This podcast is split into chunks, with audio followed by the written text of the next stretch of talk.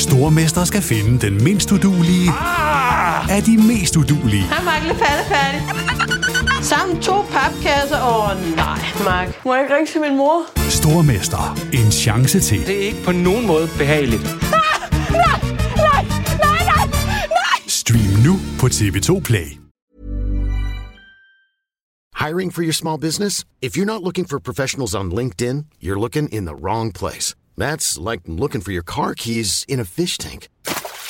LinkedIn helps you hire professionals you can't find anywhere else, even those who aren't actively searching for a new job but might be open to the perfect role. In a given month, over 70% of LinkedIn users don't even visit other leading job sites. So start looking in the right place. With LinkedIn, you can hire professionals like a professional. Post your free job on linkedin.com slash people today. Hey there, it's Michelle Norris. I'm host of a podcast called Your Mama's Kitchen. When I travel, I'm usually looking for a way to find a taste of home when I'm not at home. And one of the things I love to do when I am at home is entertain. And Airbnb allows me to do that. When I was in California recently, I rented a house that had a great kitchen. And when we were sitting around the table, we're all thinking, we're in someone else's house. Someone could be in all of our homes as well. If you have a home, but you're not always at home, you have an Airbnb. Your home might be worth more than you think. Find out how much at airbnb.com/slash host. Du har fundet vej til NBA-podcasten fra TV2 Sport. God fornøjelse. Åh, der er det altså Antetokounmpo! Så færdig en aflevering. Åh, flyby! Kan du svare igen? MVP'en tryller. Ja, ja! NBA-sæsonen 22-23 blev afsluttet for en uge siden med Denver Nuggets som det sejrende hold. Vi fik endnu en sæson fra verdens bedste basketballliga med et væld af interessante overskrifter, overraskelser, skuffelser, højdepunkter og ikke mindst historier. Hvad vil vi huske? Hvad bør man huske? Hvilke små stykker springer først i øjnene og i hukommelsen, når man kigger på den her store mosaik, helhedsbilledet af NBA-sæsonen 22-23? Det kommer vi med vores bud på her i dag, hvor vi præsenterer 20 historier, som vi vil huske fra den netop overståede NBA-sæson. Og så bliver der naturligvis også tid til at vinde det markante trade, som vi fik søndag aften, hvor Bradley Beal skiftede fra Wizards til Suns. Velkommen indenfor i NBA-podcasten fra TV2 Sport. Det er i dag tirsdag den 20. juni 2023. Mit navn er Christoffer Vestrup, og jeg er som altid joined af TV2's NBA-ekspert Peter Wang. Velkommen til dig, Peter, og husk lige, enjoy the light, but no, I am the sun. ja, øh, LeBron, det skal jeg nok. Øh, ja. jeg, nyder, jeg nyder de små strejf, der kommer igennem fra dig. Tak for det. Tak for det. Vi er her alle sammen. Øh, det, jeg er glad for, at du deler ud, deler ud af lyset. Tak. En uge øh, er gået siden vi fik kåret en NBA-mester for sæsonen 22-23. Denver Nuggets har holdt parade, er blevet hyldet naturligvis, og så er fokus ellers øh, ret hurtigt blevet rettet mod offseason og næste sæson, hvor vi her i ugen har fået en uh, Ja Morant update, og det første store trade frem mod næste sæson. Men inden vi kommer alt for langt væk fra sæsonen 22-23, så tænkte vi på, at vi på en eller anden måde lige ville altså, runde sæsonen af, og det gør vi altså med en liste over 20 historier, som vi vil huske sæsonen for. Men inden vi kommer til det, så er vi naturligvis nødt til at starte med søndagens trade, der altså sendte Bradley Beal fra den amerikanske hovedstad og til Phoenix Suns, hvor han i næste sæson skal stå ved siden af Kevin Durant og Devin Booker. En, øh, en speciel handel, tror jeg godt, vi kan kalde det, Peter. Suns sender Chris Paul, Landry Shamet og et uh, udefineret antal anden runde draft picks og pick swaps til Washington Wizards, uh, der formodentlig ikke beholder Chris Paul, men i stedet prøver at finde en handel for veteran point guarden forstærkning til Suns, rebuild til Wizards. Jeg ved slet ikke, hvor vi skal starte den her snak om, om, om det her trade. Jamen, skal vi ikke bare starte med at, at smide Washingtons ejer, Ted Leonis, under bussen, og, og fuldstændig køre ham over, og sige, det her, det er, det er afslutningen på en historisk ringe epoke i Washington Wizards øh, liv, øh, franchise. Det, det har været så pivringe, og Ted Leonis, som er ejeren, er den største klaphat, Øh, jeg, jeg har siddet og læst her til morgen en lang artikel om ham, og jeg var faktisk ikke helt klar over, hvor tåbelig han er. Det, jeg kan huske, da han fik sin no-trade clause, Bradley Beal, der tog vi os til hovedet begge to og snakkede om, at det var, hvorfor i alverden får han det? Øh, og nu ser vi jo, altså nu ser vi jo bare, hvad det kan betyde for et franchise. De står nu og har traded Bradley Beal, som var den her uh, kronjuvelen for Ted Leonis, øh, og symbolet på, at ejere og spillere har en special connection. Derfor får han en no-trade clause. Nu er han traded væk, og de har ikke fået et eneste, altså ikke ét første rundevalg. Ikke én spiller, de kan bruge som, altså med noget værdi. Det er en horribel afslutning på en fuldstændig åndssvag periode i Wizards øh, franchise-historie. Så Så vi kan da starte der og sige, Wizards er gigantiske tabere, og, og nu står man altså, og det eneste positive ved det her, det er, at man i det mindste har en plan. For første gang i overvis har man en plan, vi starter forfra. Ja. Og det er jo ikke en fed plan. Altså, det er da mega ærgerligt. Du har haft også lidt, et år for sent. rigtig gode sige, spillere. I til. Jamen, øh, jeg, jeg plejer at sige et eller to år for sent. Og, øh, der er flere, der nu går helt tilbage og siger, nej, det er faktisk både tre og måske endda fire år for sent. Altså, det, jeg tænkte mere i forhold til Wembanyama, hvis det var. Ja, ja, ja. Nå, men altså, ja, sådan helt øh, nutidigt er det helt idiotisk, det de har gjort. Altså det her skulle som minimum være sket sidste år, og sagt, okay, hvis vi endelig skal være et dårligt hold, så er det jo i år, vi skal prøve. Altså prøve at få Wembanyama, og hvis ikke, så i det mindste ideen om, at Scoot Henderson kan være noget vanvittigt. Altså alt er, jamen det er jo forfærdeligt. Jeg har så ondt af de få Wizards-fans, der er derude, fordi det her, Nej, måske skal jeg ikke have ondt af dem. Måske skal vi, skal vi glædes og smile, fordi nu er der en plan. Den plan har simpelthen været ikke eksisterende. Og, og Ted Leonis, jeg er nødt til lige at blive en lille smule ved ham, fordi det var jeg klar over, men han, øh, han sidder åbenbart til sine pressekonferencer og sådan noget i sit kontor, hvor han har alle mulige store forkromede præmier og trofæer stående bag sig, som ikke har en skid med ham at gøre, som han ikke selv har vundet. Og, at, jamen bare sådan nogle, køb en pokal nede i butikken, og så sætter vi den op bagved, og så ser det ud som om, at du er en stor stjerne. Altså, han virker som den største klaphat. Altså, det, det er helt... Jeg, jeg er faktisk lidt rystet over det. Nu har vi Øh, fået Sarver ud af Phoenix, og nu, nu finder vi en anden en og kaster vores... Øh, Altså, afslutning. i det, jeg har ikke hørt nogen historier om, at han skulle være sådan en, et dumt svin, eller nederdrægtig, eller misogyn, eller noget som helst. Han skulle bare ikke være nogen særlig kløgtig ejer.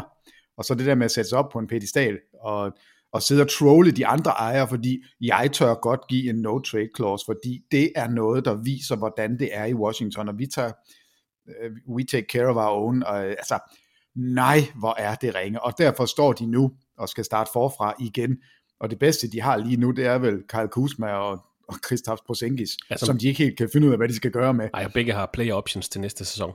Så, Jamen, så det, det er jo, det er et shit show uden lige. Øh, så, så jeg er, jeg synes, vi skal starte der, og så, så lukke den og sige, farvel til Beal i Washington. Nu må vi se, hvordan de, de får bygget op igen, men hvor har det dog været en trist periode. Og det der med no trade clause, vi, vi talte lige kort om det, inden vi gik i gang. Altså, der er 10 spillere i NBA's historie, der har haft en no trade clause. Mhm. Mm-hmm. Nu får du lige navnene, og så kan du selv sige, om du synes, det er et stort navn. Altså, David Robinson, ja, det er jo okay stort. ja, John, John Stockton, Også et stort navn. Kobe Bryant, Rimelig stort navn, ja. ja, Tim Duncan, Ja. den største af dem alle, Kevin Garnett, ja, Dirk Nowitzki, mm-hmm. Dwayne Wade, Carmelo Anthony, den er lidt iffy ved, den her Carmelo Anthony, øh, og så LeBron James, og LeBron James er også interessant, fordi selvfølgelig er han et stort navn, men også fordi øh, flere steder på nettet optræder det som om, at han stadigvæk har sin no-trade clause, det har han altså ikke. Den har han opgivet nu hos Lakers. Så den eneste eksisterende spiller lige nu, Bradley Beal, har en no-trade clause, og jeg tror sammen med stort set alle andre, der, der har en mening om det her, det bliver den sidste no-trade clause, vi ser. Altså det, det er simpelthen for voldsomt et våben at give til en spiller. Og han har det altså Så- så- stadigvæk, selvom han spiller for Phoenix. Det er det, har der er- gøre med, med, med Wizards franchise at gøre. Den er stadig i hans kontrakt. Den, kontrakt, den sidder der, og, og det er grunden til, at nu har jeg sagt min mening om, hvad jeg synes, det her det er for Washington. Jeg synes, det er hæsligt, forfærdeligt, uden sidestykke, noget af det ringeste general manager og ejerarbejde i, i league history. Men, men, altså, det er det men bare. lad os lige en sidste ting, Peter. Grunden til, at vi nævner den her no trade clause, det er også fordi, Washington har jo ikke haft nogen magt til at kunne forhandle i det her. De ikke- de, altså, hvis der var en bedre handel derude, lad os sige, Indiana, de tilbød Der var en bedre handel. Der var uden tvivl bedre handler. Men så kunne han jo bare sige, Bradley Beal kunne bare sige, nej, det vil jeg ikke. Ja, jeg vil faktisk rigtig gerne til Phoenix, så de har faktisk givet Ja. al magten væk fra sig i den her. Men, men vi regner med, Peter, at Washington Wizards er, er fuld rebuild nu. Er, er, det, er det ikke det, der er planen, tror du? Øh, jo, Sign and trade Kyle Kuzma. Nu må vi se, om Porzingis opdager ind i sin øh, kontrakt til næste år. Så er der, jeg ved ikke, om det gør det store forskel, at det er ham og så en masse G-Leaguers, der spiller der. Men går vi ikke ud fra, at Wizards kigger lidt ned nu? Jamen det, det går jeg ud fra, men jeg har så også læst flere steder, at, at det ikke helt øh, vedtaget endnu, fordi det kommer lidt an på, hvad man kan gøre med Chris Paul. Og man har faktisk en plan i Washington om måske at beholde Chris Paul, hvis ikke den rigtige handel er derude. Og hvis man gør det, så er man ikke i rebuild mode, så bliver det jo mere sådan et håb om at lave en Oklahoma City Thunder model, hvor vi lige pludselig er meget bedre, end vi troede, vi skulle være. Og, og, og det synes jeg næsten ville være endnu værre for Washington. Altså jeg vil jo synes, det her det er total rebuild. I er nødt til at starte forfra, fordi det, det, det er for skidt det her. Så beholder man Chris Paul, så forstår jeg slet ikke, hvad man vil. Øh, Så lad os bare sige, at vi går ud fra det, men der er altså en, en fli af mulighed, eller chance, jeg ved ikke, hvad vi skal kalde det, for at Washington faktisk prøver at vinde kampe, fordi de beholder Chris Paul. Men, men, men, men der er jeg altså ikke, altså det, det kan jeg ikke forestille mig. De må da sende ham videre øh, og få det her afsluttet, og så starte forfra. Det, det, det må da, det bør da være planen i hvert fald. Bradley Beal er 29 år, bliver 30 senere på måneden, er blevet udnævnt som All-NBA-spiller en gang, tre gange All-Star. To sæsoner har han leveret over 30 point per kamp, altså i et grundspil. Han var tredje valget i 2012-draftet og har spillet 11 sæsoner hos Washington Wizards og har været med i slutspillet fem gange i de her 11 sæsoner. Tre gange er man nået til anden runde. Men de sidste seks sæsoner, der er Wizards ind på en 8. plads, en 11. plads, en 10. plads, en 8. plads og så to 12. pladser i træk, altså Eastern Conference. Så lidt fanget i ingenting. Så det bliver altså en, øh, eller det er altså allerede blevet en, en off-season, hvor der skulle ske noget hos, hos Washington. Men igen, ikke det helt vilde udbytte i den her handel, må vi bare sige. Chris Paul, Landry Shamet, og så det her udefinerede antal anden runde draft picks og nogle pick swaps til Wizards. Altså ikke en, et ung talent, som Peter siger, eller første runde draft picks. Hvorfor laver Phoenix Suns den her handel, Peter?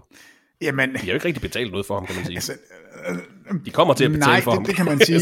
det er jo det. Det er jo det. Altså nu, øh, jeg har diskuteret det her lidt med, med Jens Lavlund, og, og nu planker jeg bare hans take på det, fordi jeg synes, det er så fint. Altså det, det er meget sjældent, man finder et trade, hvor man står og tænker, jamen det er jo et loss-loss. altså det er to franchises, og, og, og det er ikke for at, at dække mig ind, at Lavlund siger det også, fordi jeg har den samme fornemmelse.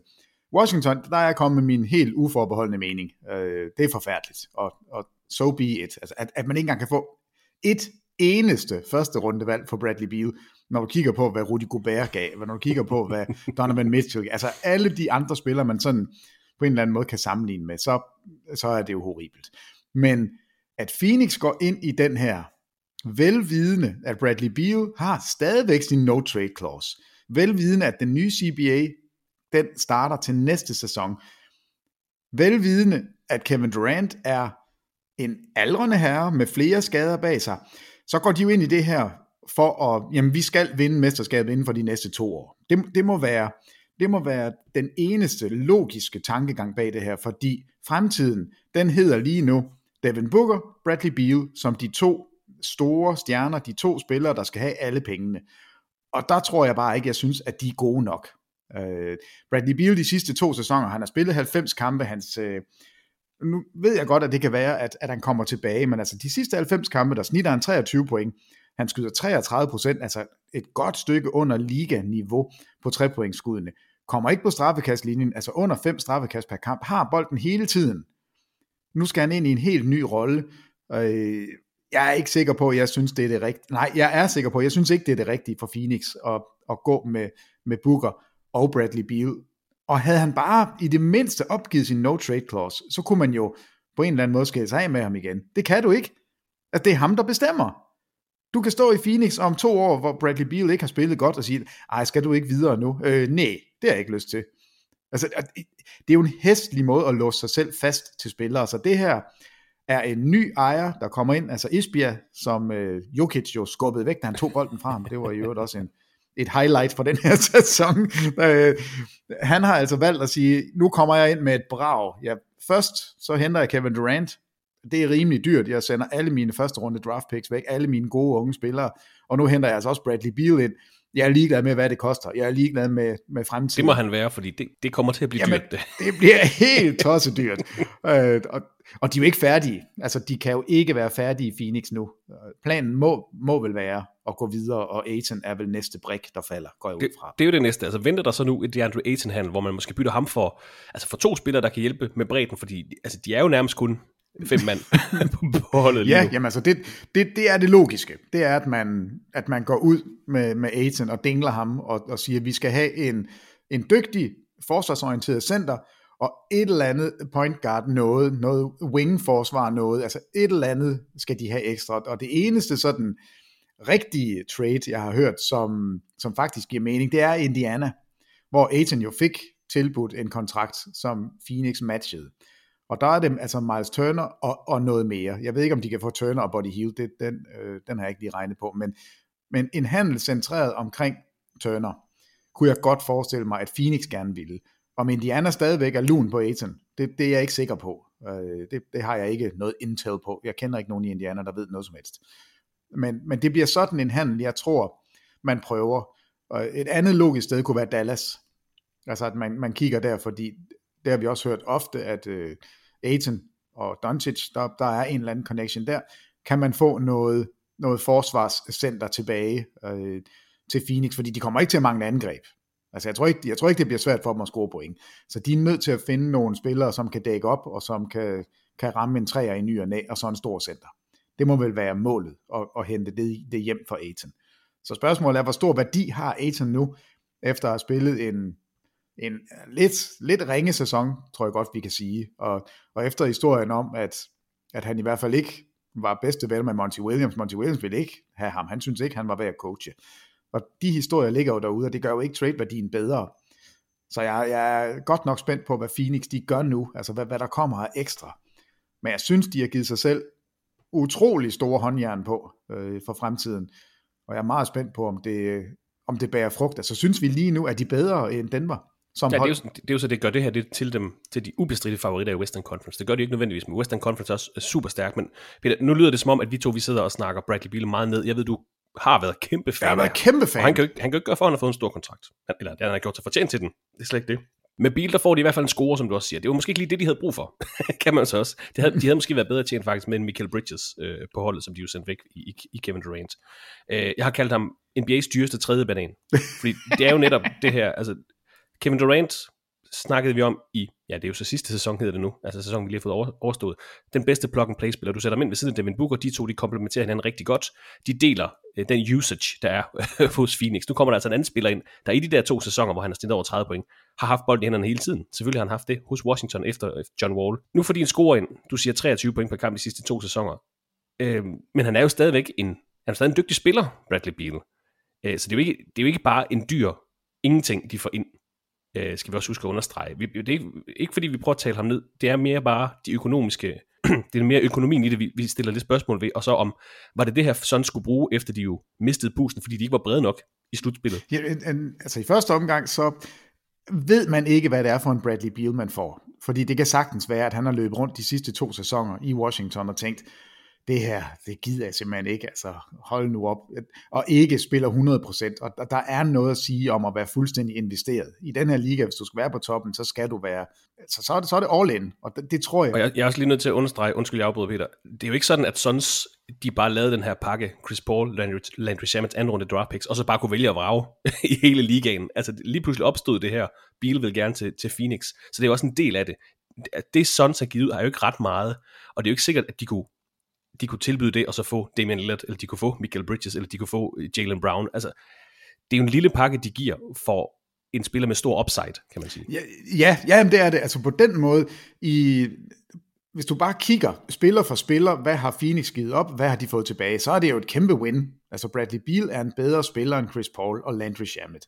Bradley Beal er en fantastisk spiller, og, og havde man, altså, tror man på, at man får det niveau, han havde bare for to år siden, altså hvor han snitter over 31 point, hvor han skyder 8 straffekast per kamp, hvor han er super aggressiv og investeret og er altså virkelig en af, altså selvfølgelig en all-star og fantastisk spiller.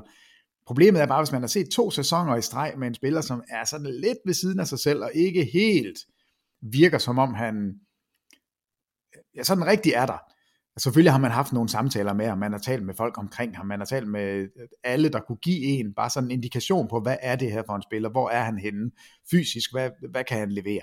Får man den spiller, der var for to år siden, og det, det siger alderen, at det gør man. Altså, du siger selv, han fylder 30 nu her, han er i sin prime, der bør være tre sæsoner i Bradley Beal, hvor han er på, på toppen af sit niveau. Fysikken er der, hovedet sidder fuldstændig, det er helt rigtigt på skuldrene nu, han ved præcis, hvordan han skal være som basketballspiller. Øh, det er den ene ting. Hvis det er den, de får, så, så ser det her jo super spændende ud. Men jeg har det også lidt, Bradley Beal har været vant til at være enten første option eller anden option på et hold. Han er klart bedst som anden option, eller tredje. Ja, altså det, han bliver tredje det, option på det her hold. Og det bliver han i hvert fald ja. nu. Altså, passer den kemi, og nu hørte jeg ikke, at Bill Simmons er et orakel med alt, altså, jeg synes, han har nogle, nogle sjove takes med nogle ting, men, men han sammenligner lidt med Ray Allen, da han kommer til Boston efter at have været en stjerne, så kommer han til Boston og skal lige pludselig ændre sit spil og afgive en tredjedel af sine skud, og lige pludselig være, altså affinde sig med ikke at være den, den bedste spiller og, og første option. Og det gjorde han jo, og det lykkedes for Boston, og Boston vinder et mesterskab, og alt er godt.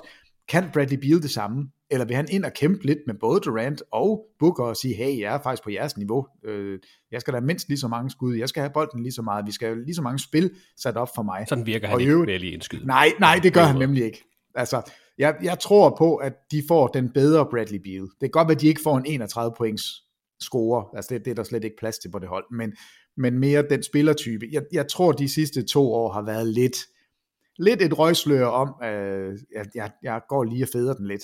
Fordi jeg ved godt, at der jeg, nu har jeg skrevet noget på min store kontrakt, Ja, så venter vi lige til sommeren penge, 23. ikke? Så. Ja, så, så sker der nok et eller andet for mig der. Og hvis ikke jeg kan lide de udsigter, så siger jeg bare nej. Ja. for, for det har jeg jo muligheden for.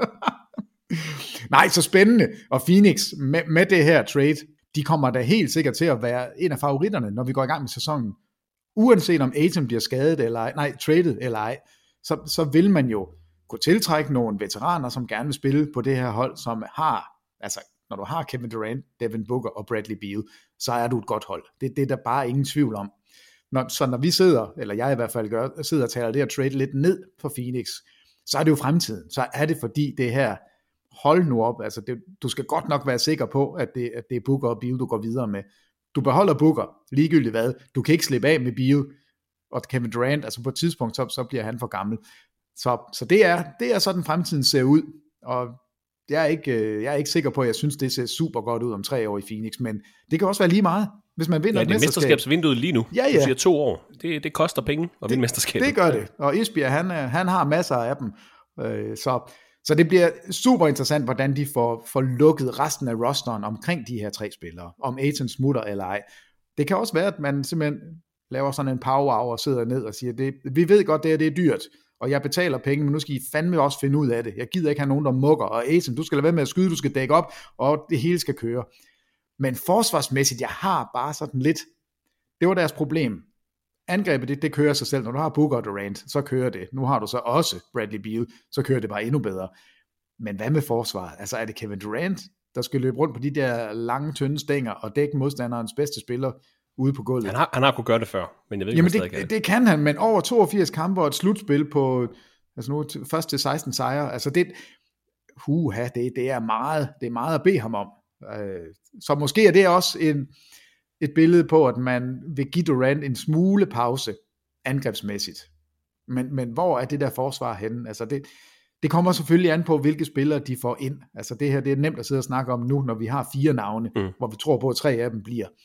Og det kan jo godt være, at de kan finde en, en masse sådan, ja, forsvarsorienterede spillere, som, som kan levere noget. Men, men lige nu, der er det ikke bare lige sådan at kigge på Phoenix og sige, hey, I er i hvert fald bedre end Denver nu.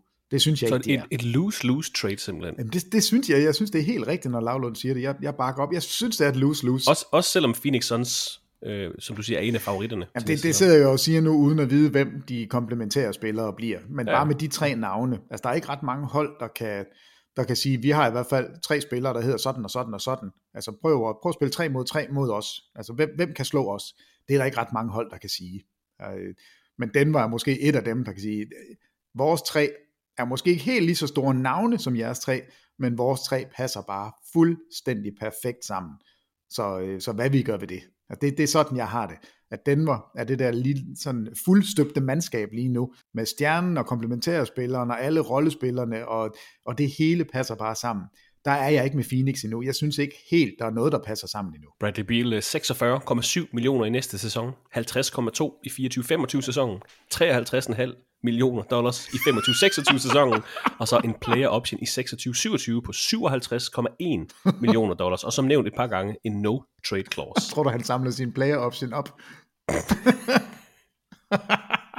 Det tror jeg godt, vi kan regne med. Men altså det største, eller det første store, sådan uh, markante trade her i, i offseason, selvom vi officielt ikke er i offseason endnu. Et stort træk, der bringer mere fokus på Suns i Western Conference, og som formodentlig starter en genopbygning hos Wizards, der jo er hjemme i Eastern Conference naturligvis. Vi holder øje med begge destinationer, selvfølgelig begge øh, franchises. Spændende at se, hvad vi ellers får af rokade og spillerskifte frem mod næste sæson. Inden vi skal se lidt tilbage på den netop overståede sæson med vores 20 historier, så har vi også et lille hængeparti fra sidste uge, Peter. Hvad gør vi med Nikola Jokic i et historisk perspektiv, efter han for en uge siden sikrede sig sit, og den var nok et første mesterskab, og altså blev kåret som Finals MVP, fordi en, et mesterskab vundet som den bedste spiller i en, en finaleserie bringer altid NBA-spiller op i et, et helt særligt selskab, beviset på, at man ikke kun kan levere i grundspillet, men også på den allerstørste scene. Vi roser for eksempel spillere som Allen Iverson, øh, Dwight Howard, Charles Barkley, for at være de bedste spillere på hold, der nåede til en NBA-finaleserie.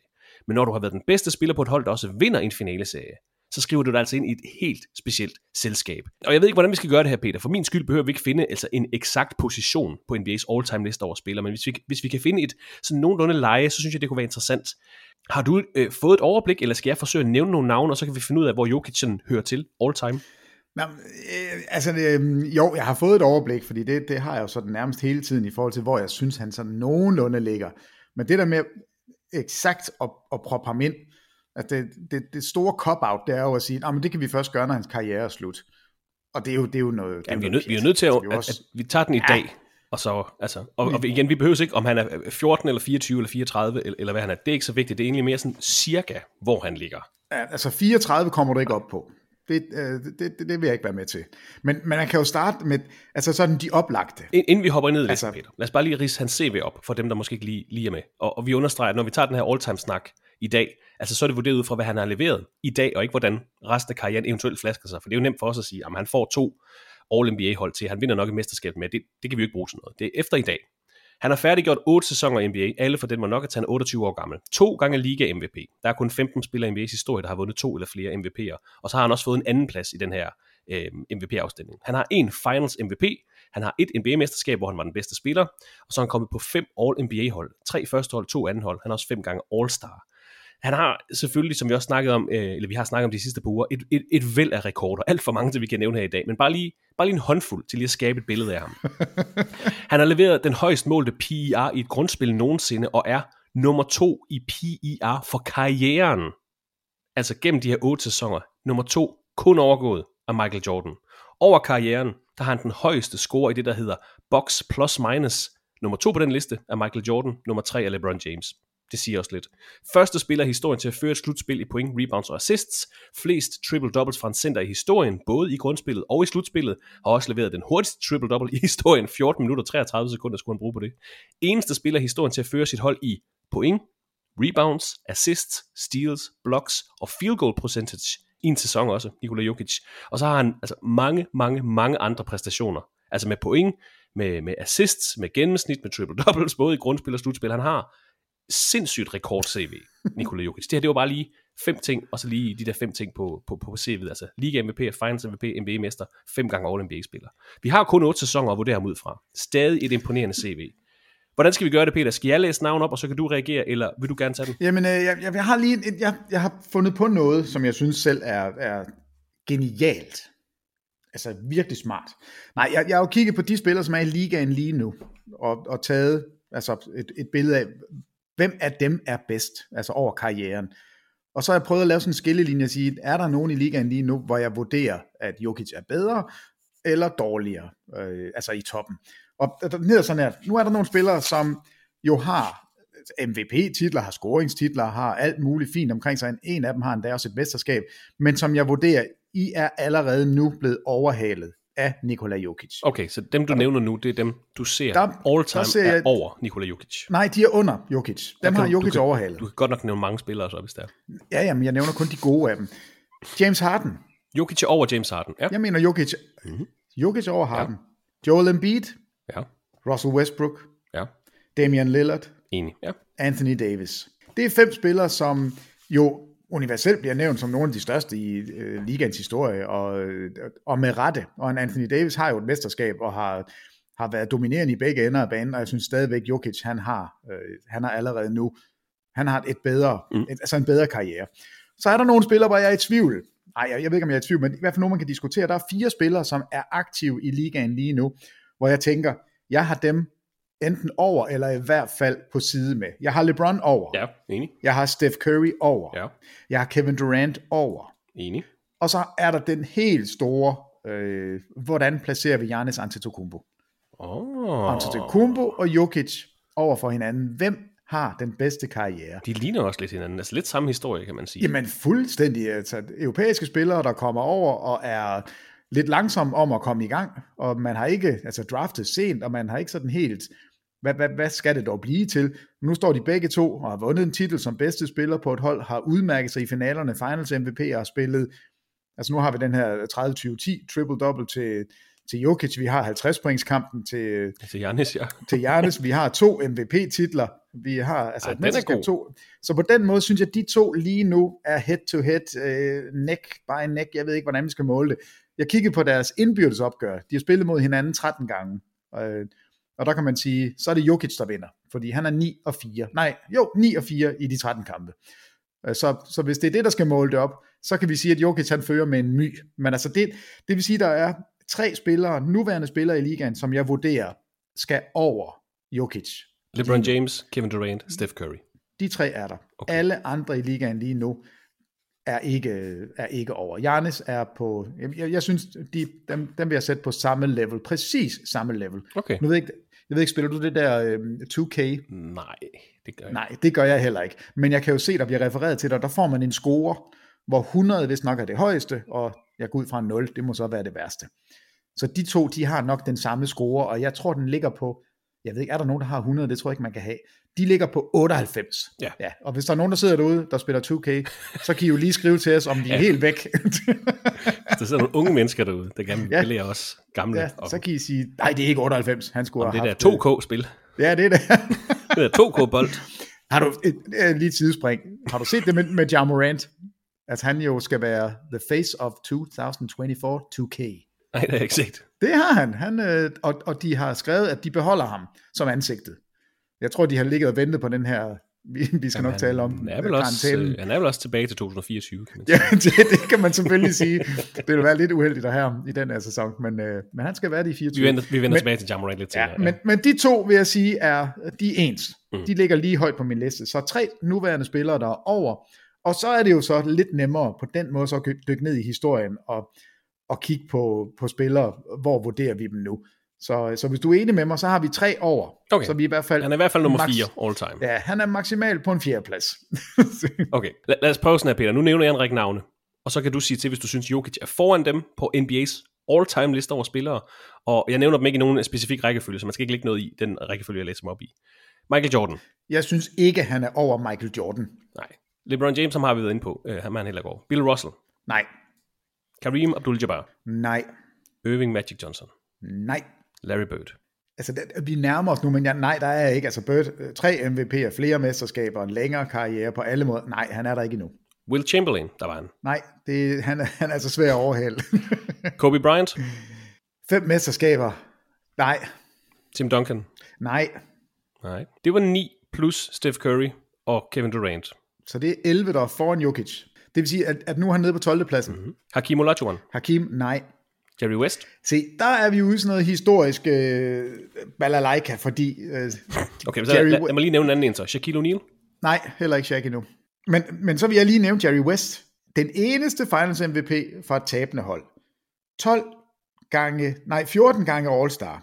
Øh, har været fuldstændig tossegod. All defensive player fire gange. Har været omdrejningspunktet på hold, som noget så tæt på at vinde det hele, uden at vinde det hele så mange gange. Men man må bare anerkende, hvor vild han var. Men det er en helt, helt anden tid.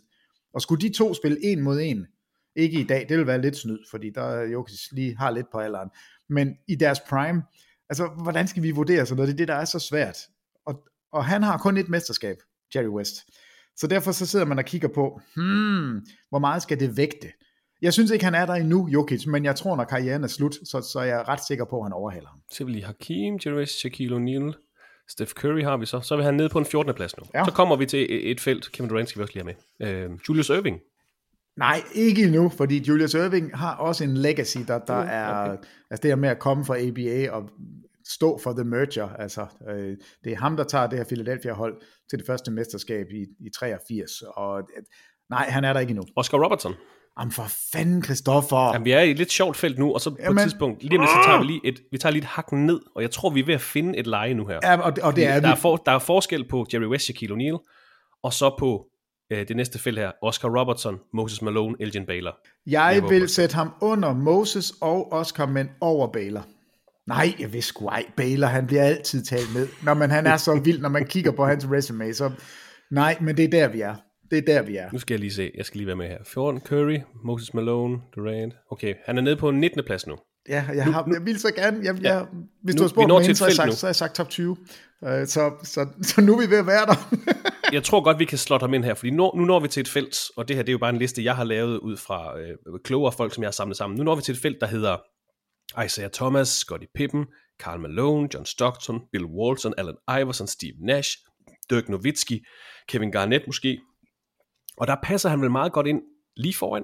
ja, det synes jeg. Er han foran Allen Iverson? Ja, det der er han. Det er han for Er mig. han foran øh, Steve Nash, Isaiah Thomas, Ja. Karl Malone? Ja, altså Thomas har jeg faktisk lidt problemer med, fordi han, det er jo også den historie om Isaiah Thomas, som, som er sådan lidt beskidt. Altså, øh, alt balladen han lavede som ejer, alt balladen som træner, som general manager. Nu sidder han i Phoenix og taler i øret på Isbia og laver mærkelige beslutninger uden konsekvensafregning.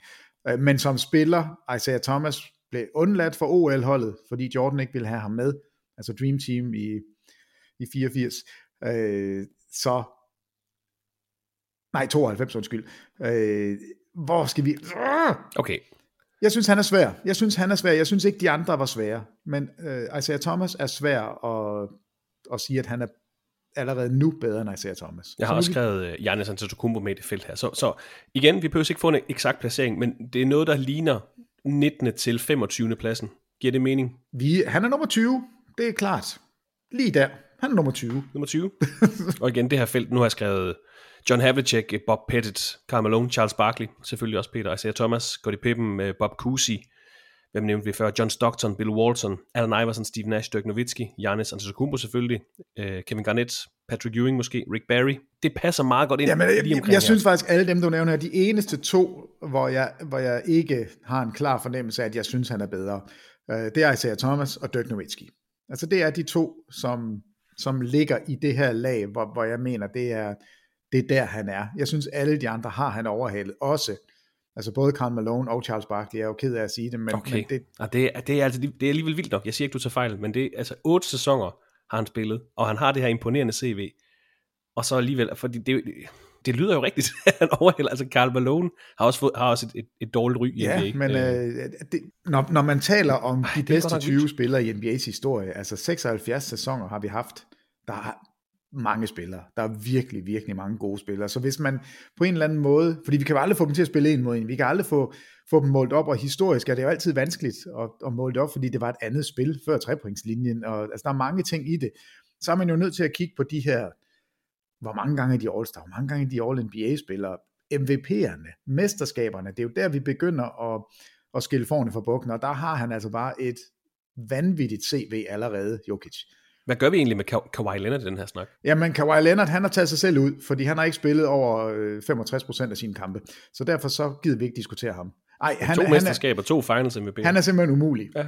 Han er umulig, svært. men, men det der... Ja, jeg ved ikke, hvor svært det er, fordi han kommer aldrig nogensinde til at få en MVP. Aldrig. Nej, det er for sent. Fordi det, fordi det gider han ikke. Altså, altså han er lidt, det er sådan lidt Jimmy Butler. Uh, han bliver også svær at placere, fordi der er to versioner af ham. Der er den, der spiller, og så er der den, der spiller i slutspillet.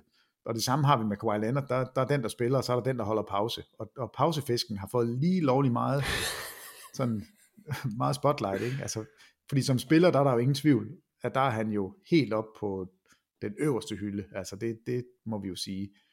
Men jeg, jeg vil have det, jeg tror, jeg har det rigtig fint med, at vi placerer Jokic i den her gruppe af, af spillere. Måske den høje ende, fordi han har Ja. MVP'erne og mesterskabet. Det har Barkley ikke, det har Karl Malone ikke, og så må, så må det være der, man siger, jamen, fint nok, I, I spiller flere år, og I er rigtig gode, men I fik ikke det sidste med som den bedste spiller på et hold, og I havde chancen. Jeg ved godt, de løb ind i Jordan begge to, og det gør nas. Det er der ikke ret mange, der kan overleve. Der er faktisk ikke nogen, der har gjort det endnu i finalerne, men i sådan en top 25, det har jeg det faktisk rigtig fint med. Ja, Ja, sådan, Ham og Giannis, de kan stå der sammen og holde i hånd. Det er lige inden for i, i top 25, og nu laver jeg lige en, jeg laver lige en Thomas Bilde. Så du siger, at Nikola Jokic er bedre end Scottie Pippen. Det kan du da med tro, jeg gør. Han er også bedre Han er end Reggie bedre end Miller. John Stockton. Ja, det er han. Altså inden for i top 25, både Giannis Antetokounmpo og Nikola Jokic. Og så er der altså også en liste med aktive spillere som LeBron James, Steph Curry og Kevin Durant. Sådan en liste her altså bør jo starte sådan objektivt, og så bliver den selvfølgelig subjektiv, for der findes jo ikke noget facit i det her. Men, men altså igen, jeg søgte lidt hurtigt rundt på andres bud her i går aftes, og, og der er en del, der har Nikola Jokic inde i en sådan en, ja, 15-25 gruppe allerede. Øh, hvis dig, der lytter med, har et bud på, hvor du synes, Nikola Jokic rangerer i det her historiske perspektiv på NBA's all-time liste, så skriv ind til os med, med din vurdering. Det vil vi da gerne høre, hvad folk derude de tænker om, om, om de her lister, fordi det er fair nok, hvis ikke man øh, tillægger Oscar Robertson og Jerry West ret meget værdi, fordi man måske er kommet lidt sent med, eller man, man synes, at de, de nye atletiske spillere, eller man er glad for 90'erne. Igen, det bliver jo subjektivt på et tidspunkt, den her liste, men jeg synes, man objektivt set bør, der er i hvert fald 10-12 spillere, som du ikke rigtig kan komme udenom på den her liste. Det var, det var de første, vi, vi, vi nævnte selvfølgelig. Men, øh, men en, en, en sjov øvelse, Peter. Og igen, om det er nummer 21 eller 26, det er jeg sådan set ligeglad med. Det er mere sådan, hvor han ligger i lejet. Så, så, så tak fordi du lige ville være med på den her lille øh, øvelse. Jamen selvfølgelig.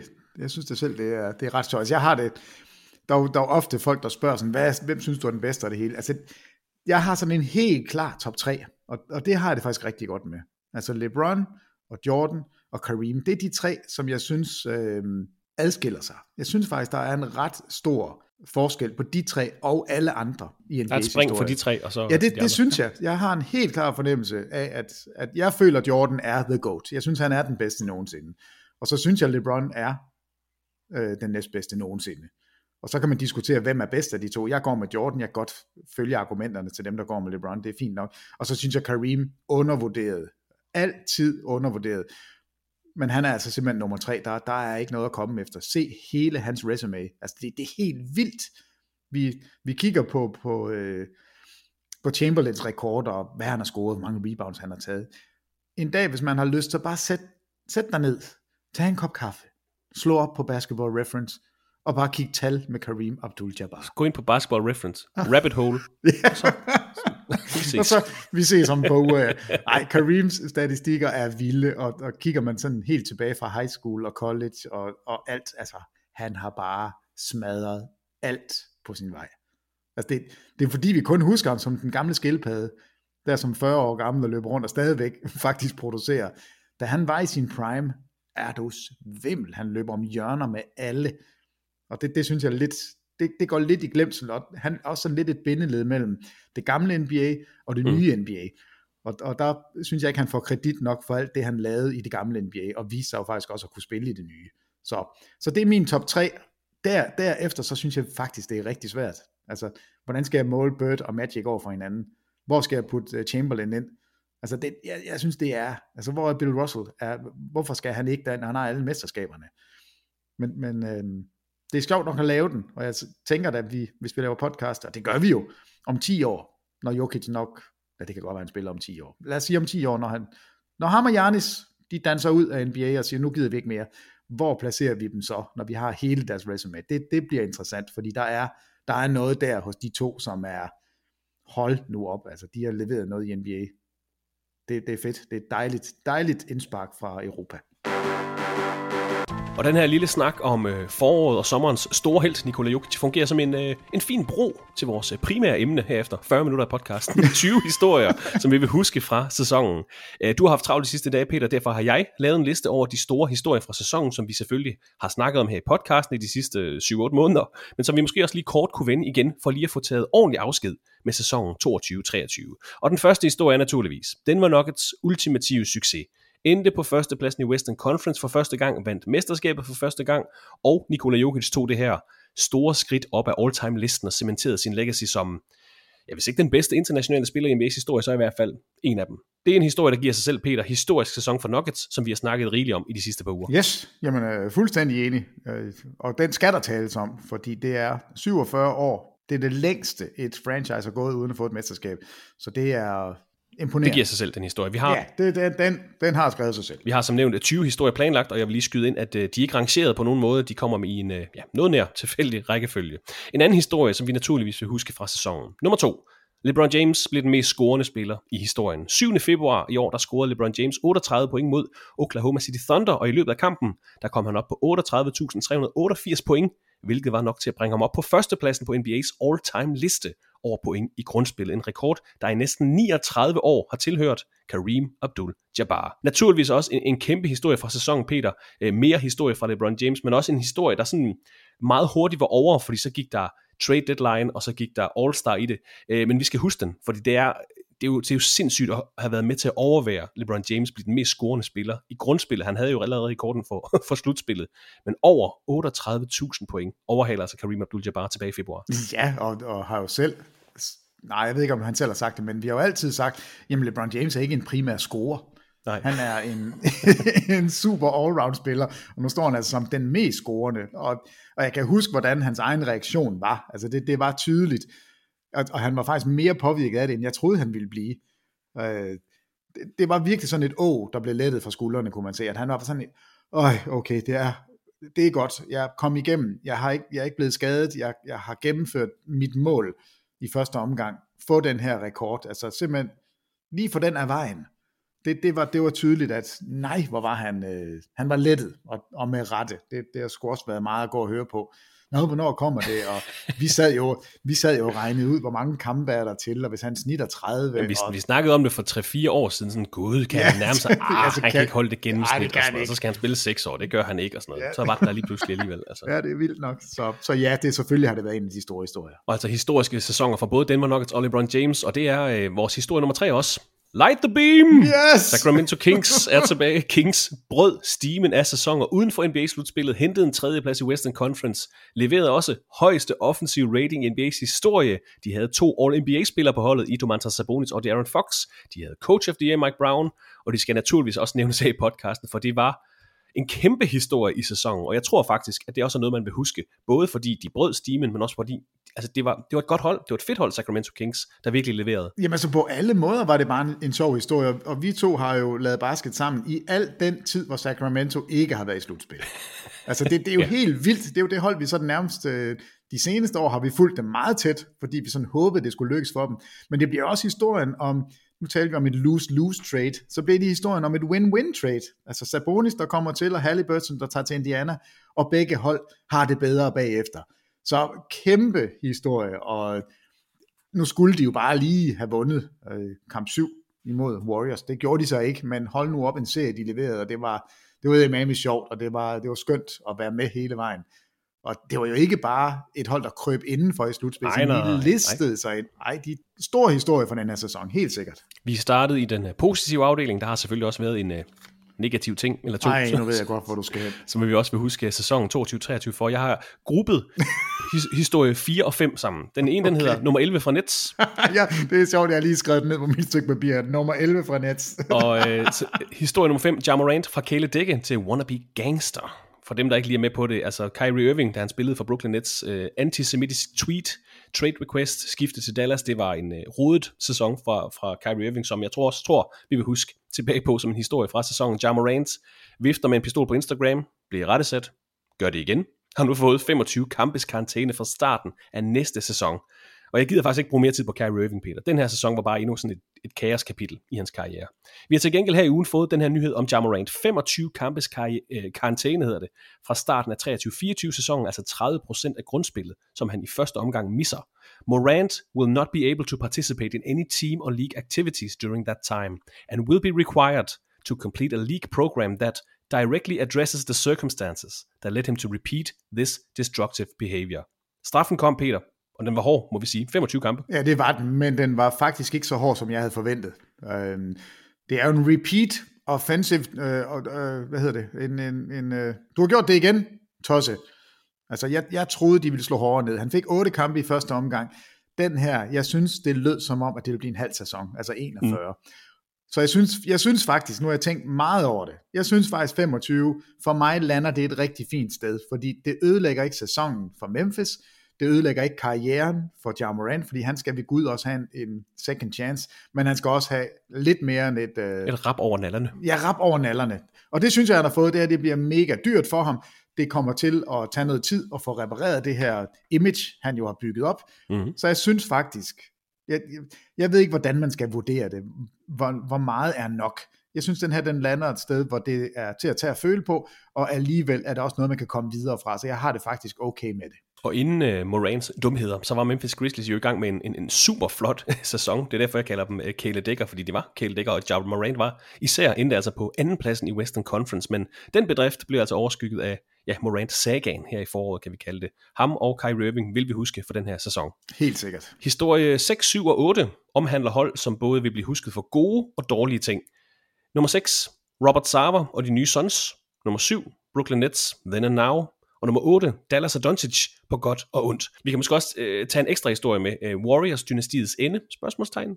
Lidt øh, kontekst til de her fire historier, der alle handler om forandringer og om positive og negative overskrifter fra sæsonen. Hos Phoenix Suns, der blev Robert Sarver presset til at sælge holdet efter en, en kedelig sag om racisme, sexisme og alverdens dårligdom i, i baglandet hos Suns. Holdet overgik til Matt Ishbia, de traded for Kevin Durant i starten af februar. Suns var sådan en, en ret prominent spiller, når det kommer til, hvor meget vi snakkede om dem, hvor meget vi vil huske for sæsonen. Vi vil i hvert fald huske Phoenix Suns, både for deres ejere og for de øh, trades, de lavede efterfølgende. Kevin Durant kom jo til fra Brooklyn Nets, der viste sig at være jamen, fuldstændig lige så uforudsigelige, som de så ud. Steve Nash blev fyret, både Kevin Durant og Kyrie Irving kom med trade requests. Ben Simmons ligner ikke en NBA-spiller længere. Det her potentielle storhold... Undskyld, har du, øh, har du fulgt med i uh, Ben Simmons historien? Altså hans sommer Hans Instagram posts. Med, med yes. photoshoppede billeder og det hele. Ja, er det ikke vanvittigt? Der er ikke noget, der kan overraske altså, mere. Altså det... Jamen nej, jeg ved heller ikke, men øh, jeg, jeg, jeg synes, det er så skørt. Det er så skørt. Altså når du er en spiller som Ben Simmons, som i den grad ikke er sådan populær nogen steder. Fint, du laver din workout. Det, det synes jeg jo, du skal. Du skal jo på en eller anden måde prøve at se, om du kan komme tilbage til NBA. Men at photoshoppe billeder, så du får større muskler ud på... det, er, det er simpelthen noget af det dummeste for en professionel atlet, som jo er rimelig buff til at begynde med. Altså, slap nu af. Det, det er, jeg synes, det er så dumt. Det, altså, jeg, jeg, troede faktisk, jeg troede faktisk, han var buff, for jeg tænkte, så dum kan man ikke være. Men det var han. Så øh, tillykke til dig, Ben Simmons. Du er en tosk stadigvæk. Nå, videre. Undskyld. Ja, det er bare det her øh, potentielle storhold blev sprunget i luften, og i stedet for, så kom der profiler til fra, fra Suns, og Nets havde jo faktisk sådan en lille spillemæssig renaissance i slutningen af, grund, af grundspillet, så store forandringer hos Nets i år, fra det dårlige til det gode, det samme hos, hos Phoenix Suns, kan vi sige. Luka Doncic var favoritten til MVP-prisen i sæsonen 22-23. Han leverede faktisk også nogle øh, vanvittige præstationer i starten af grundspillet. Blandt andet 60 point mod Knicks i slut december. Mavericks lå på fjerdepladsen i starten af januar. Men vi husker nok mere, at man panik-traded for Kyrie Irving, og at man altså faldt helt ud af play i Western Conference med ja, vilje. Ja, men det er jo... Så det er også den her, det er sådan en omvendte historie om forandring, hvor det startede rigtig godt, og så sluttede det faktisk rigtig skidt. Men jeg tror faktisk også, man vil huske Dallas Mavericks øh, undervældende afslutning øh, for den her sæson. Og hvis vi lige tager, tager Golden State Warriors med i den her sæson, så startede deres sæson negativt med episoden mellem Draymond Green og Jordan Poole, og spoler man frem til nu, så har Green lige opdaget ud af sin player option til næste sæson, og Poole er i samtlige trade-rygter efter en øh, meget skidt postseason fra ham. Warriors GM Bob Myers forlader klubben, man sendte James Wiseman væk for fem andenrunde draft picks. Det har været en, uh, det har været en lidt speciel sæson for mesterne øh, for forrige sæson, der altså gik ind til sæsonen som forsvarende mester. Nu er jeg lige nu har jeg klumpet de her fire hold lidt sammen, Peter. Måske, en, måske har jeg forceret det lidt, den her gruppe, med fokus på forandringer i sæsonen. Men hvilket af de her fire hold vil du huske mest for den her sæson? Hvilket hold har været har skrevet de største overskrifter. Altså, vi snakker Phoenix, Brooklyn, Dallas og så Golden State. Jamen, jeg, jamen, jeg ved ikke, om, om jeg kan adskille dem sådan at sige, øh, hvem jeg husker mest, men selvfølgelig, det startede ud med Brooklyn, og alt det her Kyrie Irving cirkus, mm. og så kommer øh, Kevin Durant trade, så, så, og, og ja, og fyringen af, af Steve Nash. Øh, så hele sæsonen over 82 kampe, så var det bare noget værre noget, men jeg synes egentlig, de står nogenlunde, de står nogenlunde og slikker sårene, når vi går ind i næste sæson. Altså, Præcis. Michael Bridges har jo virkelig vist, at han er bedre, end vi havde tur håb på. Han, han har endelig fået lov til at være der. Så, så Phoenix, de står med en masse spørgsmålstegn. Jeg synes egentlig, at Brooklyn, de klarer den nogenlunde. Så lad os lade være med at bruge mere tid på dem. Dallas, det var pinligt. Altså det var simpelthen pinligt at, at gå ud og lave det her trade, og så underpræstere på den måde. Og Luka Doncic så, er der svimmel, han så sur ud til sidst. Og han endte jo også ud med, at, jeg ved ikke om det var hans skyld, men de fik jo en bøde, altså Cuban fik jo en bøde for at, at tanke. Altså, det må man gerne, hvis ikke man siger det til nogen. Dallas, de sagde det bare. altså, jeg, jeg, jeg vil ikke gå ud og spille for at tabe, sagde Doncic. Men der er nogle andre, der siger, at jeg ikke skal spille. Jeg vil egentlig gerne, altså det, det var et besønderligt pressemøde. Men det kostede altså også, så det, det, det var sgu en pinlig måde at slutte af på, synes jeg. Og jeg er da spændt på, hvor spiller Kyrie Irving næste år. Nummer 11 fra Nets, spiller han i Dallas, spiller han hos Lakers, spiller han, hvor, hvor kommer han hen? Hvad kommer der til at ske med ham? Det tyder på, at han bliver i Dallas, og det, det håber jeg da også. Jeg, jeg synes jo, at det er et sjovt hold at se, men, men Dallas bliver ikke husket for noget særligt positivt i den her sæson, og de har noget, de har bestemt noget arbejde, der skal gøres over sommeren, hvis de skal komme ind til næste sæson og være et hold, vi skal regne med igen. De, jeg er lidt nede på Dallas lige nu. Vi kunne også godt have taget et, øh, et ekstra hold med i, i det her felt. Vi lader lige Boston Celtics stå for sig selv i den 10. historie i dagens podcast, fordi der er overordnet set sådan en, en lille smule mere positivitet fra Celtics-lejren i historien, øh, som vi vil huske fra dem. Altså fra Udoka til et næsten historisk comeback, har jeg valgt at kalde 10. historie. Også store forandringer. Degraderingen af Ime Udoka før sæsonstart. Joe Masula lignede først øh, verdens bedste afløser. Faldt noget ned på jorden igen i slutspillet. Jason Tatum blev nummer 4 i MVP-afstemningen. Derek White satte jamen, et af de største skud i slutspillets historie, altså i kamp 6 i Eastern Conference Finals. Man vandt en syv kamp serie mod 76ers, inden man så næsten kom tilbage fra 0-3 i kampe og vandt Eastern Conference Finals over Miami Heat. Historien om Udoka, Jason Tatum, Derek White skud og næsten comebacket. Altså, jeg tror også Boston Celtics vil man huske. Måske mest især for det her Derek White skud, men de fyldte altså også noget. Så fra Udoka til et næsten historisk comeback, det er altså den tiende historie. Ja, og jeg, jeg synes, den, den kræver da lige et, et par ord, for, fordi det var jo et, et historisk breakdown, de fik til sidst i kamp 7, altså hvor, hvor de jo spillede vanvittigt flot og fik kæmpet sig ud til syv kampe. Men hjemmebane, kamp 7, i Boston. Momentumisering oh af det hele. Oh my god, at falde sammen på den måde. Uh, og så var det jo også her, vi lige pludselig så Caleb Martin være verdens bedste basketballspiller. Jimmy Butler spillede sit normale Jimmy Butler-spil. Bam Adebayo uh, var her der alle vejen. Altså, de, de fik bare produktion for alle de spillere, de skulle have. Nu sidder de og kigger på, på kamp 7-statistikkerne. Altså Miami skyder 50% på træerne. Boston, eh, knap så godt. 21% på trepointskuddet, og for mig er det historien om Bostons sæson. En ny tilgang, flere træer. Grant Williams, du skal ikke spille så meget, fordi vi vil gerne spille småt og hurtigt og skyde, og når vi rammer vores træer, så var Boston det bedste hold i ligaen. Der var ikke nogen, der kunne hamle op med dem. Men når de så brænder dem, så var der ikke noget at ty tilbage til. Og i kamp 7, den vigtigste kamp overhovedet i deres sæson, der er over halvdelen af deres skud, det er trepointsskud. Og når man ikke har den på dagen, og det havde de altså ikke, 21% skød de, så altså, det skal der laves om på. Og der har Masula heldigvis fået noget hjælp af gode assistant coaches til næste år. Så den fyring, der lå og lurede, jeg tror, han afværede den ved at komme tilbage og udligne serien. Og fik altså lov til at beholde sit job, og nu tror jeg, Boston regrouper, de laver lige lidt finjusteringer, men de kommer også ud som et af de gode hold næste år, det er der ingen tvivl om. Men trepointskuddet, det blev deres død til sidst. Det var det, de var så succesfulde med. Men altså, de er nødt til at få noget andet, de kan ty til, når ikke det, når ikke det falder. Og Celtics er uden tvivl en, en historie set over hele sæsonen, som vi vil huske fra den her NBA-sæson 22-23. Men det er bestemt også deres banemænd fra Miami Heat. Historie nummer 11. Hemi Butler og underdogsene fra Øst har jeg valgt at kalde det. Nej, de vandt ikke mesterskabet. Men de er det blot andet 8. seed, der har spillet sig i finalerne nogensinde. Og på deres vej, der klarede de altså lige Boston Celtics og Peter Wangs og manges store favoritter fra Milwaukee Bucks. Selvfølgelig vil man blive husket, når man er et 8. seed, der spiller sig i finalerne. Men jeg tror faktisk, at Heat kan blive et af de her finale taberhold, som man vil huske bedst, og ikke, ikke på grund af selve finaleserien, som jo resultatmæssigt måske var lidt undervældende, men præstationerne, intensiteten, identiteten, overraskelserne på deres vej. Jeg tror, vi vil huske Miami Heat for den her sæson, og især Jimmy Butler. Jamen altså, de, de tog den sværest tænkelige vej. De tog nummer et i øst. De to nummer to i øst. De to New York Knicks med, Knicks havde hjemmebanefordelen i en sæson, hvor New York lige pludselig var tilbage, og der er det bare vanvittigt at spille i Madison Square Garden. Det er ikke som udbanehold, der bliver man jo nærmest råbt ud af hallen, hvis ikke man kommer med et eller andet. Og Miami hver eneste gang, der bare var en snært af problemer i nogle af serierne, så svarede de igen. Altså det var den vildeste vej tænkeligt.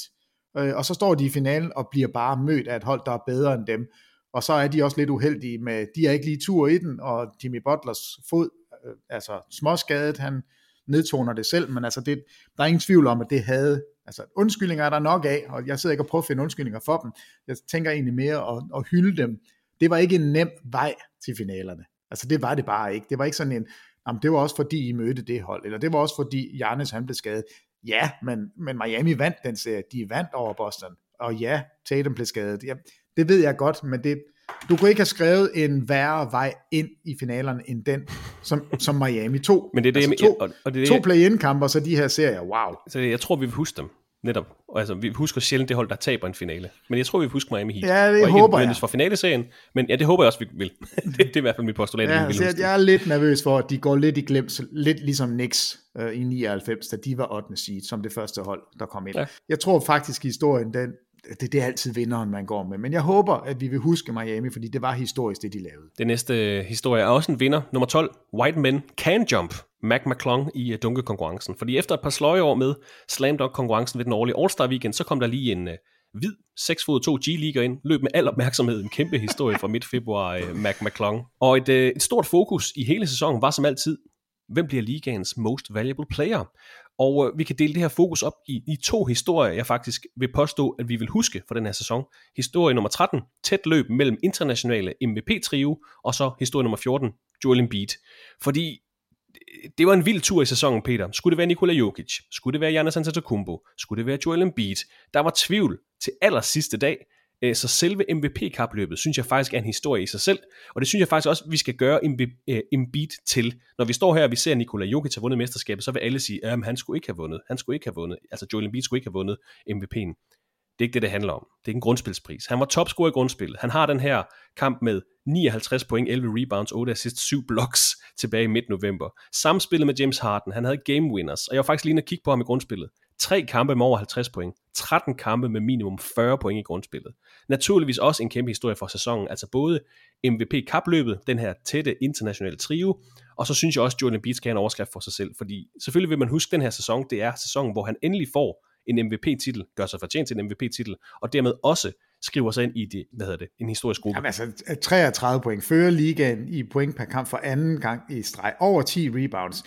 11 straffekast per kamp. Nej, faktisk 12. 11,7. Altså super aggressiv, og jeg synes stadigvæk, det er okay. Jeg, jeg havde det, øh, da vi havde spillet 82 kampe, der havde jeg det sådan, jeg er fløjtende ligeglad med, om det bliver Embiid, Jokic eller Giannis. Det skal bare være en af de tre, og det, det var der heller ikke nogen tvivl om. Jeg synes, det var fint, det var Embiid. Jeg synes ikke, det gør noget. Nu står vi så bare med endnu mere data, og ved, at Jokic, han kunne levere i slutspillet. Det skal vi ikke klandre Embiid for. Embiids hold havde en bedre record end Denver. Det var et hold, som i grundspillet faktisk præsterede bedre, og det var Denvers egen skyld. Altså, de tog lige fri de sidste 25 kampe. Jeg tror, de gik øh, 12 og 13, eller 13 og 12 de sidste 25. Og, øh, og jeg tror, havde man holdt dampen i kog, og var man kørt videre med den måde, man spillede på i Denver, så tror jeg, at øh, Jokic var løbet med MVP'en. Men, men altså, vi husker, og det skal vi også, altså vi skal huske de sidste 25 kampe, der var de ikke specielt prangende, ikke specielt gode, øh, og der kom Embiid altså fra baghjul og tog den her pris, men jeg synes ikke, vi skal klandre ham overhovedet. Han havde en dominerende, vanvittig sæson, og i den kamp i Philadelphia, hvor de spiller mod Denver, hvor han jo smadrer Jokic. Det er også en af dem, man må kigge på og sige, okay, hvis de er fuldstændig lige gode over en hel sæson, hvad så, når de mødte hinanden? Jamen, så var det altså Embiid, der vandt. Øh, så jeg synes, det er fair, og vi skal bare, vi skal bare hylde Embiid, i stedet for at tale, altså tale ham ned, fordi jamen, nej, jeg synes, det var en anden, der skulle have den. Det er noget pjat. Altså, hvorfor ikke bare gå med, wow, 33 point, 10,2 rebounds, over 4 assists per kamp, næsten to blocks per kamp, over et steal per kamp. Altså, det, statistikkerne taler for sig selv. Embiid var fortjent MVP i år i min bog. Og en kæmpe spiller, naturligvis også en kæmpe historie fra sæsonen, og det synes jeg faktisk også godt, vi kan sige om øh, historie nummer 15. Larry Markkanen vandt Most Improved Player-prisen, var pludselig All-Star-spiller, snittede næsten 26 point per kamp, og jeg vil ikke sige, at han, han er reddet til en NBA-karriere med den her sæson, men han har i hvert fald vist, at han hører til, også blandt de, de bedre spillere i verdens bedste basketballliga, var pludselig en historie, Peter, var jo også i spil til All-NBA-hold og det hele. Utah Jazz øh, gik lidt ned i, i kadence sådan sejrsmæssigt, men en, en sjov historie, og jeg tror, at man vil huske det her som, selvfølgelig, nu har han den her Most Improved Player-pris, så lægger man selvfølgelig mærke til den sæson, men lige pludselig, var Larry Markkinen et navn, som alle talte om. Jamen, yksi, kaksi, kolme. Jeg lover dig, det var en overraskelse, og jeg er glad for, at du tager den med. Jeg havde ikke tænkt på den. Jeg havde faktisk allerede glemt den. Og det er ikke fair. Så du vil ikke huske altså, ham sæsonen? ja, det vil jeg jo ikke, men det vil jeg nu. Nu skal ja. jeg sparke mig selv bag og sige, husk nu, husk nu, Mark. Jamen, nogle gange skal man også lige mindes om, altså nu er du lige ja. været igennem et stort slutspil og en finale, så nogle, nogle gange skal man også lige mindes om, hvad skete der egentlig tilbage i, i februar og i november? Også. Jamen, det var da en vild historie. Det var da vildt, at, øh, at Utah faktisk, jeg, har du Utah med som en historie, fordi det synes jeg jo faktisk også, de var det hold, som vi troede ville gå fuldstændig ned og være helt klart med i kampen om Wimbanyama.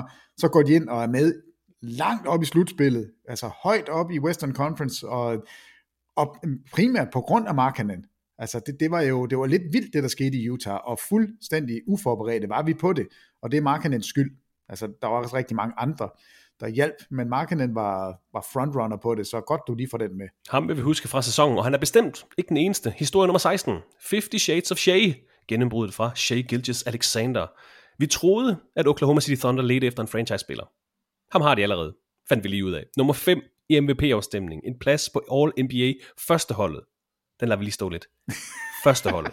Over 31 point per kamp. Nummer 4 på topscore-listen, og Thunder var jo ligesom Utah Jazz også lige med øh, op i toppen. Nåede så op og spille et par play-in-kampe i år. Øh, ført an af Shea Gildes Alexander, der har været en kæmpe profil i den her sæson. Så han skal naturligvis også nævnes. Altså han tager skridtet fra fin liga-profil, fin starter, til, jeg siger det igen, All-NBA første hold. Altså, altså Shea Gildes Alexander, kender du ham som sådan en spiller, der dunker folk i hovedet? Nej. Nej, han er en 6 fod 6 guard, øh, spilstyrende guard, altså 1,98, 81 kilo, ikke sådan et, øh, altså et, et kæmpe menneske. Han snitter i den her sæson 10,9 straffekast per kamp og skyder 91% på dem. Han er bare den mest snu lille skiderik, når han kommer ind i feltet. De her finder, og han er så hurtig. Han er så god til at trække fejl. Og det er et kæmpe våben. Og, og det, det er sjovt at se. Altså, det er jo ikke unaturligt, at Joel Embiid han står derinde. Fordi vi ved, hvordan han spiller. Og han skulle nok stå derinde lidt mere, fordi der bliver godt nok lavet mange fejl på de store drenge. Øh, men Shea Gillis Alexander, et gennembrud i år. Efter at have været rigtig god, så kommer det her og noget uventet, at han lige pludselig eksploderer på den måde. Men en af tingene, det er altså, han gør alt det, han er god til. Og så har han fået sådan et funky trepointskud, som egentlig også går i en gang imellem. Men han bruger det ikke ret meget. Altså han skyder 2,5 træer per kamp.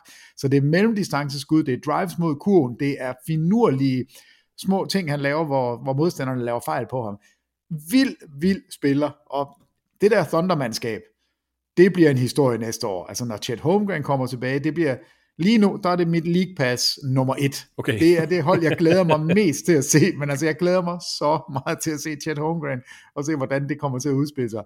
Det, men Shea Gillis Alexander er, er styrmand. Det, det er grunden til, at man virkelig sidder med et stort smil, hvis man holder med Thunder, fordi det, det kom uventet, at han skulle være så god, og det her det her hold er jo kun lige begyndt, altså de er jo 12 år gamle alle sammen, det, det, det bliver super, super spændende. Så har vi uh, fire historier tilbage på listen, Peter, og dem synes jeg faktisk, at du skal være med til at bestemme. Det er jo et meget godt uh, udtryk for, hvordan vi laver den her podcast. Jeg bestemmer over 80%, og så får du lidt at sige over de sidste 20%. okay. Vi skal, vi skal have fire ting med på listen over historier, som vi vil huske fra sæsonen. Jeg har nogle ting, som du eventuelt kan vælge imellem, men er der noget, du sidder og undrer dig over, at jeg kan nævne det nu? Nej, for jeg tænker, du har jo øh, fire endnu, så øh, nej, jeg, jeg vil da huske den, for vi havde to 70 points kampe. Den har jeg altså noteret, en... selvfølgelig Donovan Mitchell okay. og Damian Lillard. Ja. Er det ikke 71, de scorede begge to? Jo, lige præcis. Det, det var, det var tossi. Og så har du altså statistikkerne.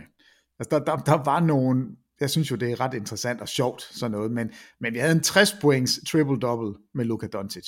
Mm. Ja, det var den kamp i, slu, i slut december mod Knicks. Ja, ja det, altså, det, jamen, var det ikke, havde han ikke, øh, var det 60-20? Jo, jo, det tror du Eller var det bare en 60 points triple-double? Jeg tror, det var en 60-20. Øhm, og hvor han selv siger bagefter, at han skulle bare have en øl. den, den, den synes jeg er god. Så statistikkerne, synes jeg er en historie. Bare, jeg ved godt, det er der hvert år, men i år var der exceptionelt mange, og rigtig mm. mange 20 point score, og rigtig mange kampe med over 50 point. Så, så det vil jeg i hvert fald huske den for. Det var en 71 point kampe, og så statistikker. Så, Eller er det bare en? Ja, det er, det er det ikke bare en. Det er dig, der bestemmer, Peter. Du har 20 procent. Det, okay. det synes jeg. Nå, jamen, det, det, det synes jeg var, var en rigtig sjov historie. Og så synes jeg kampen, altså noget, jeg også vil huske sæsonen for, det var kampen om at blive det dårligste hold. Okay. Altså, hele det der race for Wembanyama, det, det var... Men jeg synes faktisk ikke, det, jeg synes faktisk ikke, det var så udtalt, fordi altså Charlotte Hornets, der, fik, der blev LaMelo Ball skadet, de havde ikke Miles Bridges, så de havde egentlig undskyldninger til at falde ned. Detroit Pistons, Kate Cunningham, blev skadet meget tidligt i sæsonen. Så det var som om, det var, det var meget sådan organisk, at de bare blev dårligere. Øh, og så San Antonio, de havde jo stort set ikke nogen at stille op med. altså, så jeg synes ikke, det blev så, det blev ikke så, så tydeligt, at, at hold prøvede at tabe, og så, så var der Houston Rockets, der bare var et kaos. Nej, men jeg ved ikke, om det, om det var tydeligt, men, men det var mere den måde, man fulgte med i det på. Det, det fik jo nærmest, kan du ikke huske dengang Miami Heat samlede deres Big Three, der, der kørte der jo, øh, de havde sådan deres egen rubrik på Jo, det er rigtigt. Ja, jo, jo. Heat Index, nej, jeg kan ikke huske, hvad den hed. Men, ja. Jamen, selvfølgelig har vi holdt øje med det, men selvfølgelig har, har vi det. Også. Hvordan har folk positioneret sig frem mod altså, draft lottery? Ja, jamen hele snakken ja. om Wembanyama hele sæsonen, og så de her få klip, man, man kunne få, hvor han dunker sit, altså tip dunker sit eget trepointsforsøg i, og hvor man ser, at han blokerer skud til højre og venstre, og dribler mellem benene og bevæger sig som guard og løber rundt og er, er, er han 7 fod 2? Nej, 3, nej, 7 fod 4. Han er 7 fod 5 nu, han er 2 meter 23 og lange arme, og altså hele den historie med Wimbanyama og alle de hold, som bare håbede, øh, og så ender det selvfølgelig, skulle det jo ende sådan, at San Antonio, de, de skal bygge op igen, og selvfølgelig er det dem, der vinder den her mulighed. Så, så waiting for Wembanyama, så det, og så det synes jeg var en, ja? ja, det synes jeg var en historie. Det synes Ja. jeg var Er der en historie. du, du synes, jeg har glemt? Der er sikkert meget, men det, det har jeg jo åbenbart også selv glemt. Lad mig, lad mig spørge dig, vil du huske, vil du huske New Orleans Pelicans for den her sæson? Øh, nej, Nej vel? det vil jeg ikke, selvom de lå nummer to. Jeg vil huske sejren, og øh, den her drøm om at se Zion Williamson spille. Og, og den er jo meget i vælten lige nu.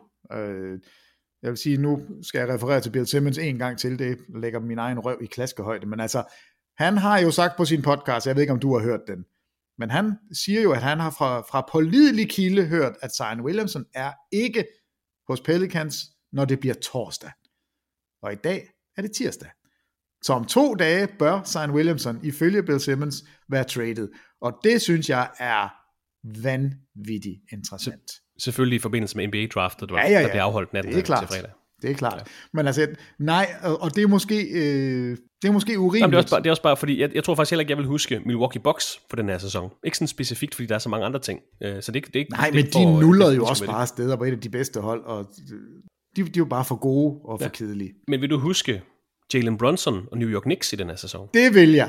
Ja, Den det kunne- er det kunne- god. Ja, det kunne godt være en. Jamen, det var jamen, helt klart en historie, fordi New York lige pludselig efter så mange år, hvor man lidt synes, det var umuligt at finde ud af, hvilken retning de ville gå, øh, så kommer der en upåagtet guard ind, som i første omgang jo, altså får en, en okay kontrakt, men sådan en, en 100 millioner sen, hvor vi sidder og snakker om, ah, det er for meget eller for lidt, ah, det er nok meget rimeligt, og så udspiller han altså alle, og, og leder jo tankerne tilbage på sådan en, en styrende point guard, der lige pludselig kan tage New York hele vejen i slutspillet, og det, det synes jeg var en kæmpe historie, og han leverede også i slutspillet, og Mm. Dallas, de må bare stadigvæk den dag i dag gå og sparke sig selv bag i.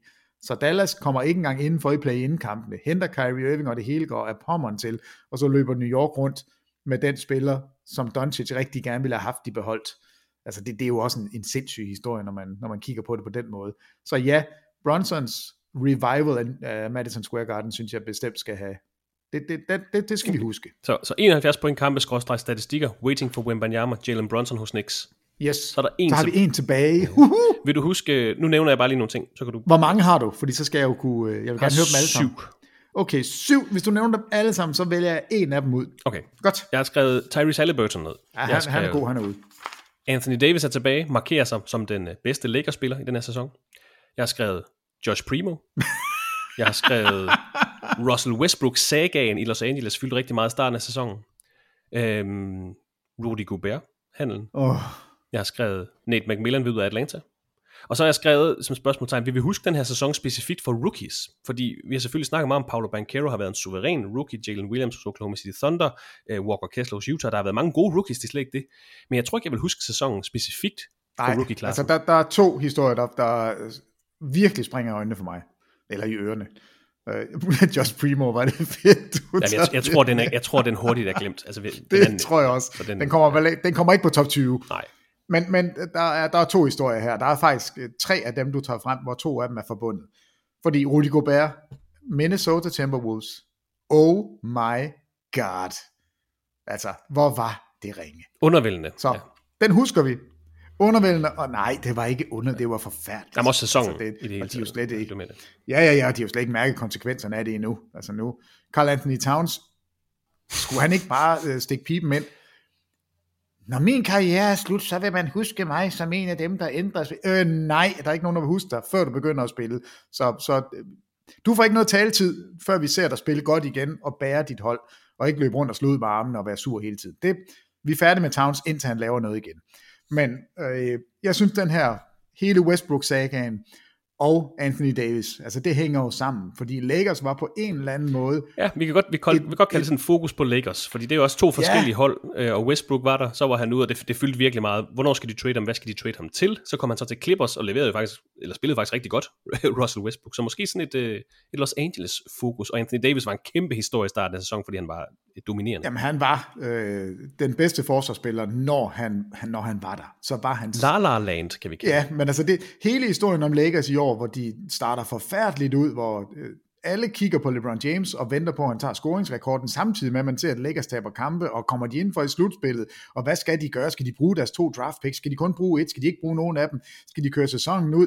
Og så skal de starte forfra næste år. Spiller man et år af LeBron? Og så videre, og så videre. Og, og det er svært. Altså, vi aftaler nærmest hvert år, nu skal vi prøve at lade være med at snakke for meget om Lakers. Men de fylder bare ufattelig meget, fordi der er så mange historier. Øh, og, og det giver sig selv, at selvfølgelig skal vi følge det. Og i år var, altså det var jo en fabelagtig sæson, på den måde, at vi var med hele vejen. De laver det store trade, og jeg synes virkelig, det var et flot trade, de ender med at få lavet. Altså Westbrook kommer væk, og de bruger kun et første rundevalg, og de går ud af sæsonen, synes jeg, med hovedet højt rejst. Altså de taber godt nok 4-0 til Denver, men det er fire meget, meget tætte kampe, og et eller andet sted synes jeg faktisk, at Lakers var dem, der var tættest på at, og så den rigtige true Denver. Og jeg ved godt, at Phoenix vandt to kampe, men man sad ikke med en fornemmelse af, at, den her, at det var en tæt serie. Det synes jeg faktisk, man gjorde i Lakers-serien, fordi Lakers havde det her, altså de har LeBron, og de havde Anthony Davis til og at, at være god imod Jokic. Øhm, jeg, jeg synes, det var en fremragende serie, og jeg, det er også fint, den slutter 4-0. Jeg kan godt lide, at Michael Malone, han, Altså han, var, han sagde jo selv, at jeg er ligeglad med mesterskabet. Det vigtigste var, at vi slog Lakers. han har også haft travlt med at, han, at Lakers, Michael Malone. Nej, hvor har han altså. Han har nyt, han har nyt den her, øh, det her slutspil. Og, altså han er, han er en chef. Når han går til fest, så, så går han til fest. Det, det skal jeg lige love for. Men, men Lakers synes jeg faktisk er en historie, og den, i den historie er der så mange sidehistorier, hvor Westbrook er en af dem. Så den, den vil jeg gerne have med som, som den sidste. Så hvis jeg må bestemme, så er Lakers øh, hele, hele deres sæson og afslutningen på den, så må det være nummer 20. Okay, lige for at opsummere. De 20 historier, vi vil huske fra den her sæson, den var Nuggets ultimative succes. LeBron James blev den mest scorende spiller i historien. Light the Beam, Sacramento Kings er tilbage. Nummer 11 fra Nets, Ja Morant fra Kale Dække til Wannabe Gangster. Vi har Robert Sava og de nye Suns. Vi har Brooklyn Nets, Then and Now. Vi har Dallas og Doncic på godt og ondt. Vi har Warriors-dynastiets ende, spørgsmålstegn, skal vi lige huske. Vi har øh, Boston Celtics fra Udoka til et næsten historisk comeback. Hemi Butler og underdogsene fra Øst. White Men Can Jump, Mac McClung i dunkekonkurrencen. Så har vi historie 13, tæt løb mellem international MVP-trio. Historie nummer 14, Joel Embiid. Øh, uh, Larry Markkinen, historie nummer 15. 50 Shades of Shay, gennembruddet for Shay Gildes Alexander, og så de fire historier, som Peter Wang var med til at definere. La La Land, altså herunder Los Angeles Lakers og alle historierne. Waiting for Wembanyama, 71 points kampe, skråstreg statistikker, og så Jalen Brunson, der bringer New York Knicks tilbage i relevans. Det var altså 20 historier, vi vil huske fra sæsonen 22-23. Skriv endelig til os, hvis vi har overset en historie i, i al den her snak. Uh, vi satser på at være tilbage senere på ugen med en ny podcast. Vi skal have et lille fokus på NBA-draftet, der bliver afholdt natten til fredag så hold øje med dit uh, podcast feed her i slutningen af ugen.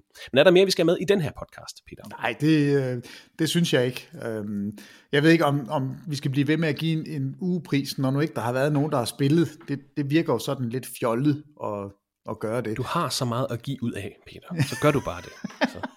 jamen, du er en, nå, du er en flod til dit folk. Jamen altså, jeg, jeg synes jo, vi har vi givet en til Jokic. Hmm. Det tror jeg nemlig ikke, vi har. Jeg tror bare, vi har, har snakket om, at han, at han kunne nævnes, men han ikke skulle have den. Og at han gjorde noget godt, men han ikke skulle have den. Hvis vi skal afslutte sæsonen, så synes jeg jo, vi bør give den til Jokic. Altså, han står som finals MVP. Han rider på sin lille... Sæsonens real MVP. Ja, det, det, okay. det må være Jokic. Altså, den måde, han får afsluttet på, den måde, alle bare elsker ham, og at han ikke har forandret sig en tødel. Altså, han virker fuldstændig, som han, som han altid har gjort. Og han er historisk god Øh, første gang en spiller har ført slutspil i point, assists og rebounds. Altså det har vi aldrig set før. Så hvis ikke man skal have en pris for det, så ved jeg ikke, hvornår han gør sig fortjent til den. Så, så jeg synes, han, han skal have den afsluttende real MVP, fordi det, det har han været. Nej, hvor har han dog været en fornøjelse hele sæsonen, og, og jeg er så glad for, at det er ham, der får lov til at, at vinde mesterskabet. Altså, jeg synes, det var så fortjent. Det, det var... Øh, det var, det var en flot, flot sæson, og han er, han er kronen på, på værket. Sæsonens real MVP, Nikola Jokic. Det giver mening, når vi ser fra start til slut. Ja, det synes faktisk. jeg. Ja, fint krøl. Ja. Peter Wang, tak for din uh, tid. Tak for hjælp med at finde de her 20 historier fra sæsonen 22-23, og tak for al ekspertise i forhold til Bradley Beal og uh, Nikola Jokic position all time. Vi uh, snakkes ved. Det gør vi, Kristoffer. Selv tak. Det blev ordene i dagens basketballsnak. Ha' en fortsat god uge, og på genhør i det næste afsnit af NBA-podcasten fra TV2 Sport.